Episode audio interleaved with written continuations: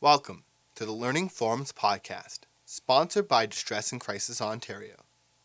Learning Forums offers programs specifically designed for DCO member organizations.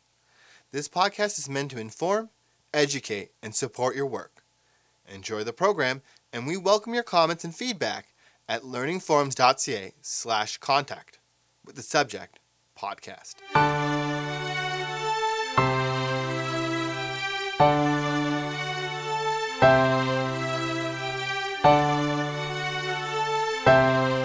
Hi, my name is Marilyn Herie, and I'm a project director at the Center for Addiction and Mental Health. I'm also the director of the collaborative program in addiction studies at the University of Toronto, and it's a pleasure to speak to you today about addictions, what you need to know. Before we jump into the content of this session, I'd like to say a word about language. That oftentimes when we read the newspaper or see films or videos, we often hear people referred to as an addict, a junkie, a crackhead an alcoholic. And these are pretty judgmental, pejorative terms, and I think really contribute to the stigma and shame that people often feel when they're seeking help for addiction issues. And so I think it's better to think about language as putting the person first. So we can think about a person with addictions, a person who drinks heavily. So, because these are people who are mothers, daughters, grandparents, children, workers, athletes, artists, colleagues and friends and that that's a really important part of their identity and that the addiction maybe doesn't need to take up their whole identity.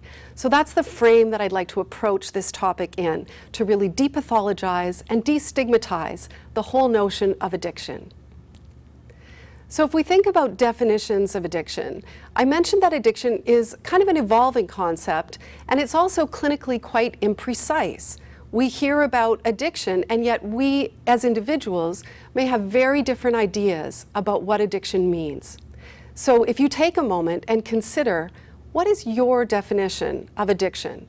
What do you think it means to be addicted? And let's take a look at a couple of different conceptualizations of this. And what I'd like to do is start really simple and then build on it to come up with a more complex but holistic perspective of what constitutes addiction. This is really important because how we understand addiction determines how we respond to it. So I'm going to come back to that point a little bit later on. So one way of thinking about addiction is the notion of compulsive use despite negative consequences. And that's probably one of the components that you considered in your own definition of addiction. Once a person stops, they have trouble stopping and their substance use starts to cause problems and negative consequences in their day to day life. So, compulsive use, despite adverse consequences, can form kind of the major building block of our definition of addiction. The other way of thinking about it, and this started to evolve in the 1990s, in the early 2000s, and beyond, is the notion of a neurobiological basis for addiction. And so, thinking about the wanting and craving aspects of addiction as centered in the brain so that these are not just psychological issues. We talk about psychological and physical dependence, but that there's a neurobiological basis for wanting and craving. And the notion of how brain science has contributed to our understanding of addiction, I think, is something that's really important to consider. Because I'd like to imagine what this video would look like 20 years from now or 100 years from now as brain science and addiction science progresses, as it's been doing really exponentially over the past three decades. More recent definitions of addiction, for example, from the National Institute on Drug Abuse, talk about addiction as a chronic, relapsing brain disease. And the notion of addiction as a chronic disease starts to really depathologize and normalize addiction. Because if we consider other chronic diseases like diabetes, asthma, and hypertension, that as biologically based diseases and start to think about addiction that way as well, then that gives a sense that this isn't just a lifestyle choice. This isn't just a bad habit that if only the person had more willpower, they could overcome. So I think the element of the role of the brain in addiction is really critical and central to a contemporary understanding of this concept in the treatment landscape today some of the areas that are affecting the brain with respect to addiction and drug use impacting on the brain has to do with the notion that, in a way, drugs hijack the brain's reward system. And I'll say a little bit more about the brain's reward system in a bit. But for now, to think about how structural changes to the neural pathways, to the reward system in the brain, may persist for months, years, possibly a lifetime. And so, this neuroadaptation to repeated administration of a drug is a very important notion to, to bring on board in thinking about what constitutes addiction. There are lots of other aspects, though. We can't just think of it as a brain disease. For example, we think about repeated administration. It's not something that happens overnight. A person doesn't take a drug for the first time deciding to get addicted. So, repeated administration seems key to this. In addition, we need to think about the person's impulse control. How, um, how able are they in terms of their executive functioning to say no to a drug? What are their social networks like? What peer influences come into play? What kinds of genetic predisposition does this person have to begin with?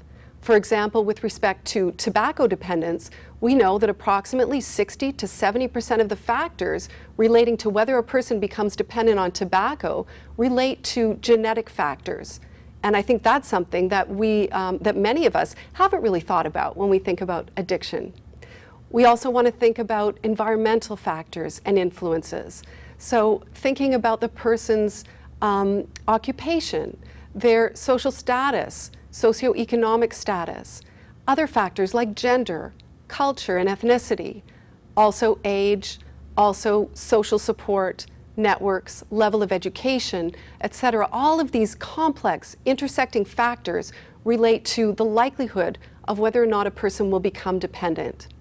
And so we can think from the social environmental perspective of overarching concepts such as social capital and social structural factors that we need to take into account, which then brings into play things like stigma, things like equity and health equity.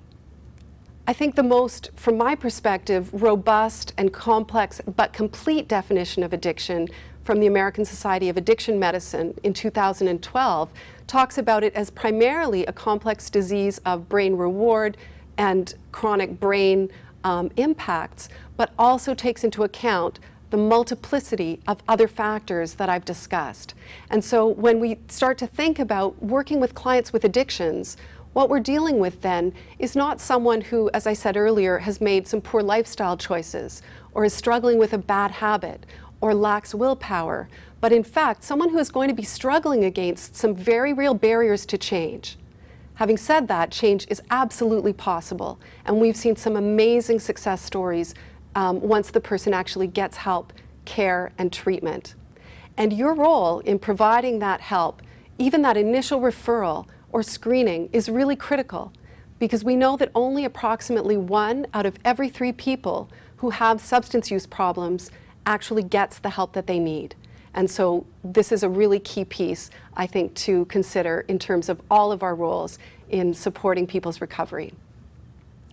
So if we just take a, a, step back and take a look a little bit closer at the brain, I'd like to just share how and where do drugs impact the brain. So the mesolimbic dopamine pathway, which is located in the midbrain, is where all of those drugs tend to be situated. That's where they act.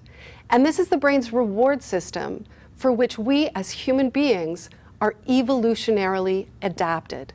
In other words, this is the part of the brain that governs our hunger and drive for sexual activity, for food, for fluid, and also if we think that this is where drugs are acting, that has enormous implications for the notion of drug cravings and the sense of urgency that people feel when they must do whatever it takes to obtain that drug. If you think about yourself, maybe you had breakfast this morning and maybe you're getting a little hungry if it's coming up onto lunchtime. And imagine that if you had not eaten at all yesterday and you didn't have anything to eat or drink today, and say it's 12 or 1 o'clock, and the person sitting next to you pulled out their lunch and, and opened up their lunch bag, and you could smell their sandwich, and you could see the, the coffee or the soda that they have in front of them, and they turned their back for a second, might you sneak a bite of their food or a sip of their drink? Might you then lie about it if they confronted you and they were really angry with you? So, all of those stereotypes of the so called addict as liar, as cheat, in denial, I think we need to really rethink those because, in fact, many people are operating from a state of craving and drug hunger that has a very real biological basis. The other aspect of how drugs act on the brain is that that mesolimbic dopamine pathway projects upwards onto the prefrontal cortex, which is the executive functioning region of the brain. And what that means is that drugs, in other words, impact decision making, impact all of the, the restraints and constraints that we put on impulsive behaviors. And so it makes sense that someone who has a substance use disorder is actually going to, at sometimes, have trouble with respect to the decisions that he or she makes. All of these things are things we need to take into account in the way that we work with people with addictions and the kinds of programs and solutions that we design to assist in their recovery. The other aspect of addiction, I think, in, in kind of mainstream framing of it, is that addiction is like a binary construct. In other words, it's like an on off switch. Either you are addicted or you're not. And I'd like to put out a different perspective, I think one that's more nuanced, and certainly one that's more based in research evidence, which is this concept of addiction is occurring along a continuum of severity.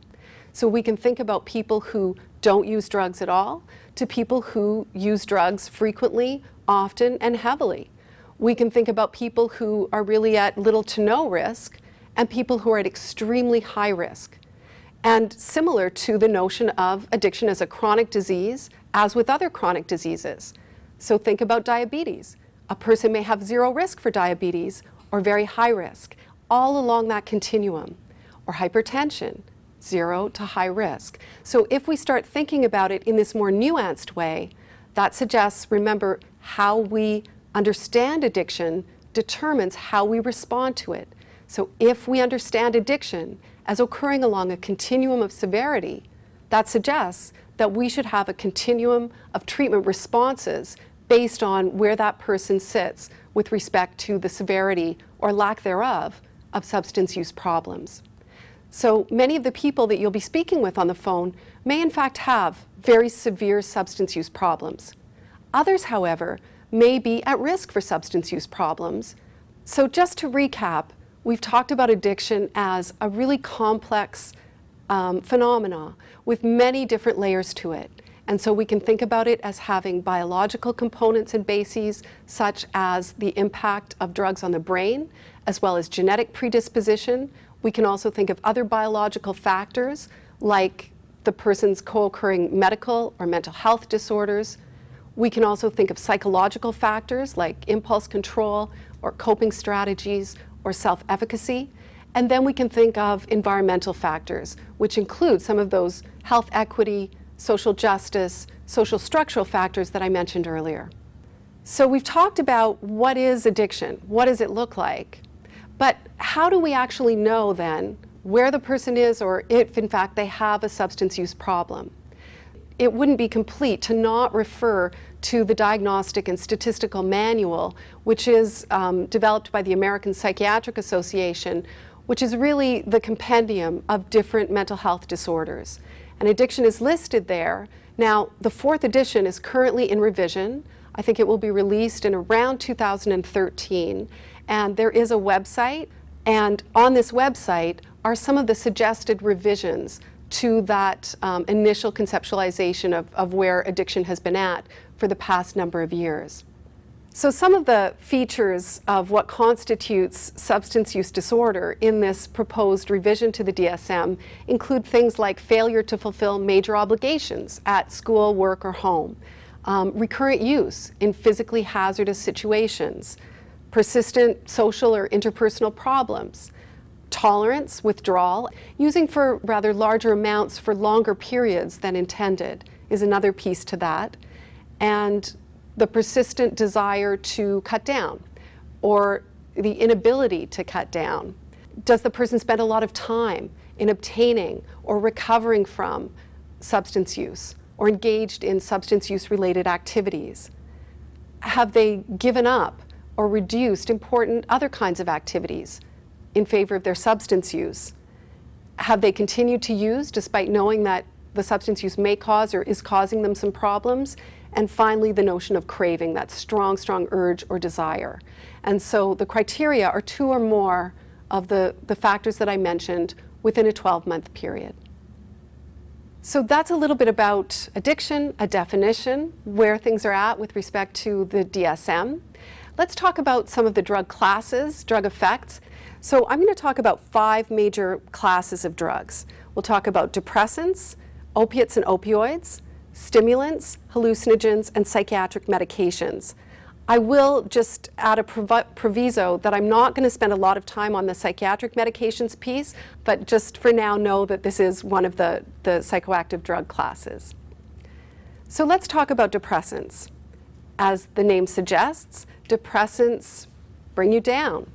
Um, they act on the central nervous system. And if you consider different examples of depressants, alcohol is probably the one that first comes to mind.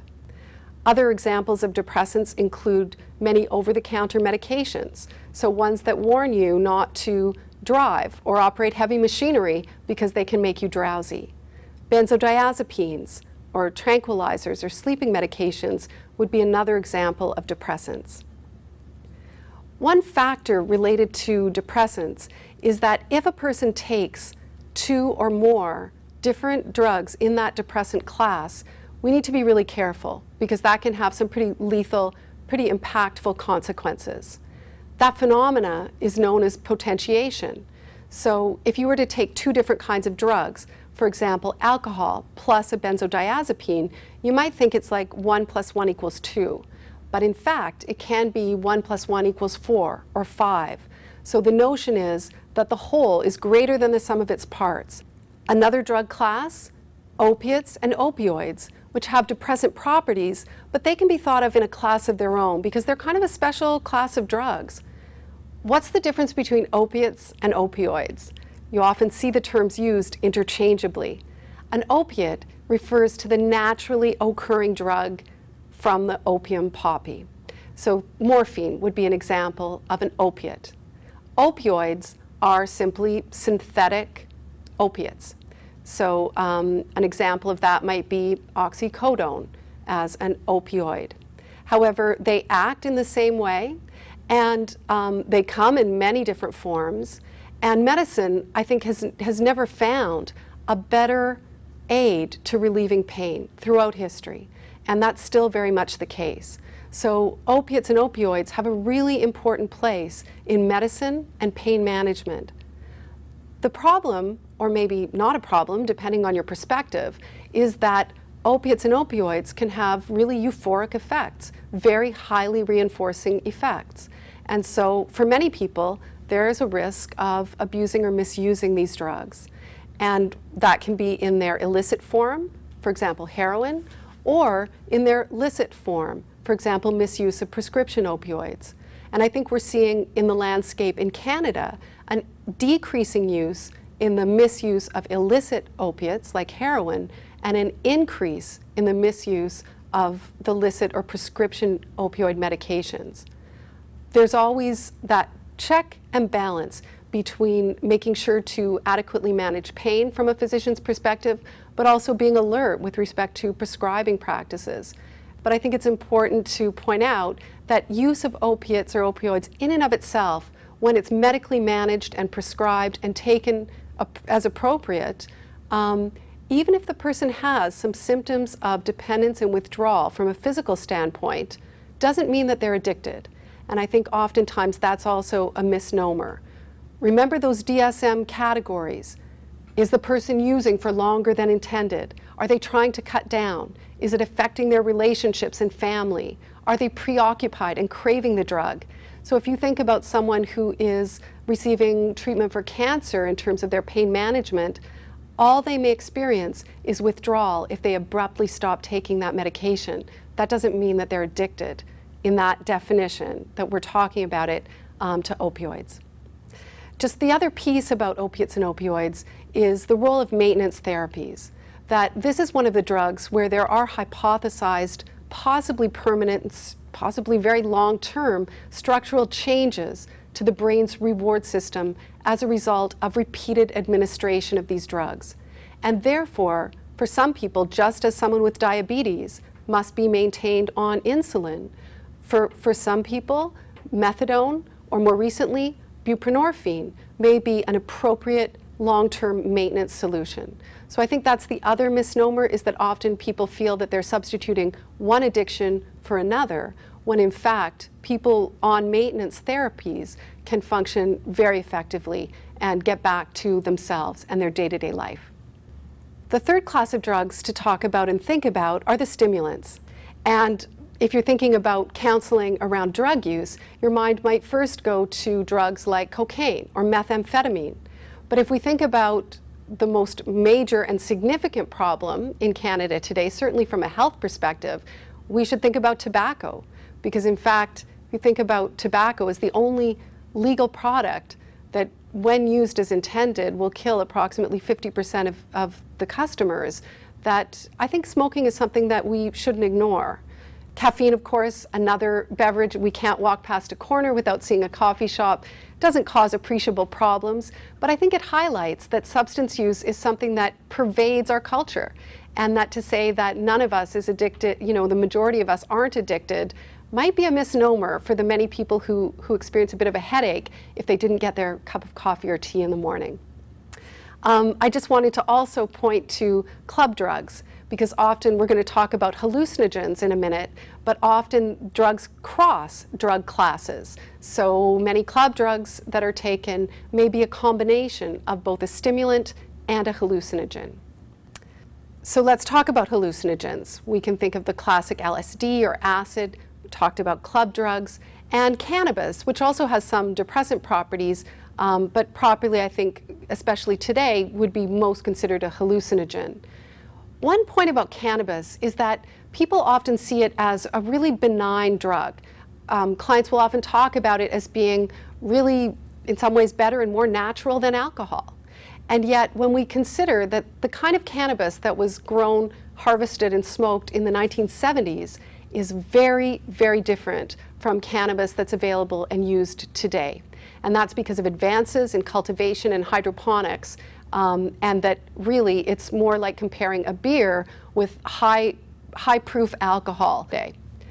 The other risk, I think, with respect to cannabis, and this is you know, somewhat controversial, um, is the notion of younger people who may have some underlying risk or predisposition for a psychotic disorder, might that be triggered or secondary to their cannabis use? And so I know that the first episode psychosis unit at our hospital sees a number of younger clients who end up with a lifelong um, psychotic disorder that we don't know whether that would ever have happened had it, had it not been their exposure to, um, to cannabis. So I think it's really important to give the message to younger people that this drug is not risk-free and it's not 100% benign, as I think um, it's becoming much more popular among younger cohorts. And then finally, I mentioned psychiatric medications. And so the CAMH website has a lot of information about a variety of different drugs, not just the ones that we've covered, but also the different classes of psychiatric medications. One thing that I'm sure you're burning to know is why are some drugs more addictive than others? And so we can think about a couple of concepts. One is um, addictive liability, or the capture rate of that substance. In other words, of the number of people who try that drug, how many people will actually become dependent? So if I ask you to think for a minute, what do you think are the most addictive drugs out there? And you might be thinking about drugs like heroin or cocaine. The answer might surprise you that actually the top capture rate are cigarettes because cigarettes are the most sophisticated drug delivery system I think ever invented uniquely designed to produce addiction. And so um, it's a much smaller minority of the population who actually, who ever try cocaine or heroin, who become addicted to it. I don't want to get the, give the message that these drugs are free of risk. In fact, they're very high risk. But I think oftentimes we underestimate the risk of some of the most commonly used drugs, like alcohol and tobacco. The other thing that really relates to how addictive a drug is is the route of administration. So, do you swallow the drug? Do you snort the drug? Do you inject the drug? Do you smoke the drug? In other words, the slower the drug is absorbed and by the, in the body and crosses that blood-brain barrier, the less addictive, as a rule, it is. Smoking is the fastest rate to the brain, and certainly injecting is a close second. Um, transdermal or through the skin and swallowing tend to be less so. And if you use the example of, again, tobacco versus um, nicotine replacement therapies, I think that's the, the nicest example of how people don't get addicted to the nicotine patch, they get addicted to cigarettes, and contrast transdermal administration with smoked administration. Similarly, smoking crack, much more addictive, much more high risk than snorting cocaine. Both very high risk, but smoking or injecting, I think, are the highest risk behaviors. Injecting also carries other risks, of, of course, bloodborne diseases, um, and what kinds of settings or situations is the person using in. So we don't want to just think of the risks endemic to the drug itself, but also the surrounding risks, the lifestyle risks, the risks of criminal involvement or becoming um, part of that criminal justice system. And then, of course, thinking about the biopsychosocial, structural, spiritual factors that impact whether or not a person becomes dependent. A couple of other just comments about some core concepts. The notion of tolerance is important. I mentioned that earlier with respect to opioid use. Tolerance basically means that you take the same amount of the drug, but you're not getting the same effect anymore. The body has adapted to the administration of that drug. Tolerance in and of itself doesn't define addiction, but it is one of the criteria that we saw in the DSM, so we definitely want to pay attention to it. Withdrawal, another concept. And in a nutshell, the symptoms of withdrawal tend to be the opposite to the symptoms of intoxication. So, in other words, if the person is withdrawing from stimulants, they tend to be sleepy. When they're on stimulants, they tend to not be very hungry. Stimulants are an appetite suppressant. In the withdrawal phase, there can, there can be is more hunger. Depression is another symptom of withdrawal from stimulants. Similarly, people who are withdrawing from depressants, so think of someone who has become dependent on benzodiazepines, is misusing them, um, maybe started out using them because of an anxiety disorder. It's really hard to taper off benzodiazepines because guess what one of the withdrawal symptoms is? If it relieves anxiety when you take the drug, you're going to experience anxiety as you're withdrawing from the drug. So think about that. I think that's a really um, easy way to remember what are the symptoms of withdrawal? They're generally the opposite to intoxication. Just a note about withdrawal from benzodiazepines um, and other drugs that are soluble in the stored in the body's fat is that the person shouldn't just stop taking them all at once. If they are dependent, if they've been taking them for a long time, there should be a medically supervised tapering off if that's indicated. There can be some really serious medical consequences to abrupt cessation of drugs like benzodiazepines. ConnexOntario.ca is a really great resource to see what kinds of help is out there for mental health, problem gambling, and substance use. It's well worth digging into those three locations on that website. Um, there's truly an amazing amount of information and resources. It's also very accessible for clients, and that's a nice one to refer clients to. Chances are you're doing that already. Another resource that you might not know about is called the Alcohol Help Center, alcoholhelpcenter.net. And this is a site that was developed by a scientist at the Center for Addiction and Mental Health that is a self help site. It includes a self screening tool around sub- alcohol use that gives really detailed personalized feedback about the person's risk. And it's designed to be explicitly motivational. So the notion is that the person's not just getting information, but the kind of feedback and the way it's delivered is designed to really get that person to think about their alcohol use in a way that might motivate them to change or to seek help. There's also online forums, exercises, activities, and the opportunity to actually track in a kind of self help context um, substance use cravings, etc. So I think this is one that, that I wouldn't hesitate to refer people to. As we come towards the end, we're going to talk about treatment in closing. I think we just want to keep in mind that when we think about referring people for assessment and for treatment, that that assessment is going to focus on the notion of substance use and addiction as a multidimensional concept in the way that we've been talking about it. So complete addiction assessments, which can take anywhere from one to two hours, sometimes even longer, are lengthy and intensive because they really focus on the whole person. They focus on the person's level of motivation. They focus on other aspects or factors or stressors, strengths and resources in their life. They focus on co occurring medical or mental health problems, as well as on any kind of substances that are impacting the person and all of the ways that they might be doing so. So, the nice thing about assessments is that they're really motivating to clients. I think they give, they're done in a way that's very non judgmental, and they give people some suggestions or ideas about treatment planning. If I could give you one tip about referring your clients for assessments, this is my tip. Oftentimes, people won't cross the threshold of an addiction treatment center because they feel like they're kind of entering a vortex. Once I'm in there, I'll never get out. In fact, what I would tell clients is go for an assessment. It doesn't cost you anything. It's a couple of hours of investment in terms of your time. You'll get some feedback, but you're in the driver's seat. You don't have to take it any further if you don't want to. And so, what that does is really just makes it a small, incremental step towards getting help.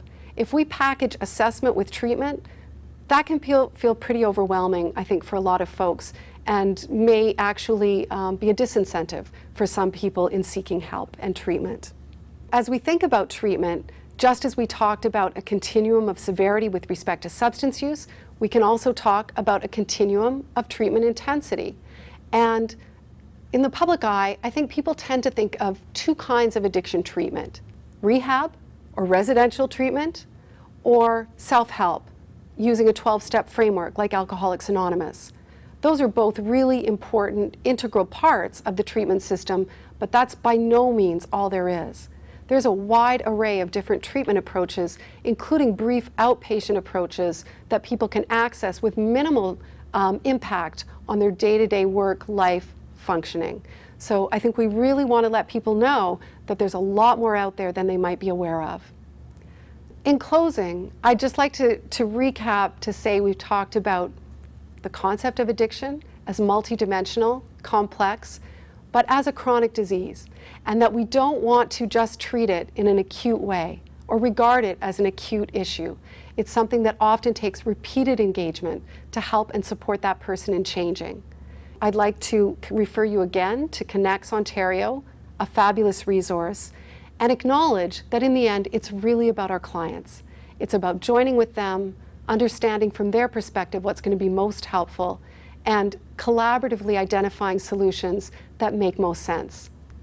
Thanks so much for coming to this session. It's really been a pleasure.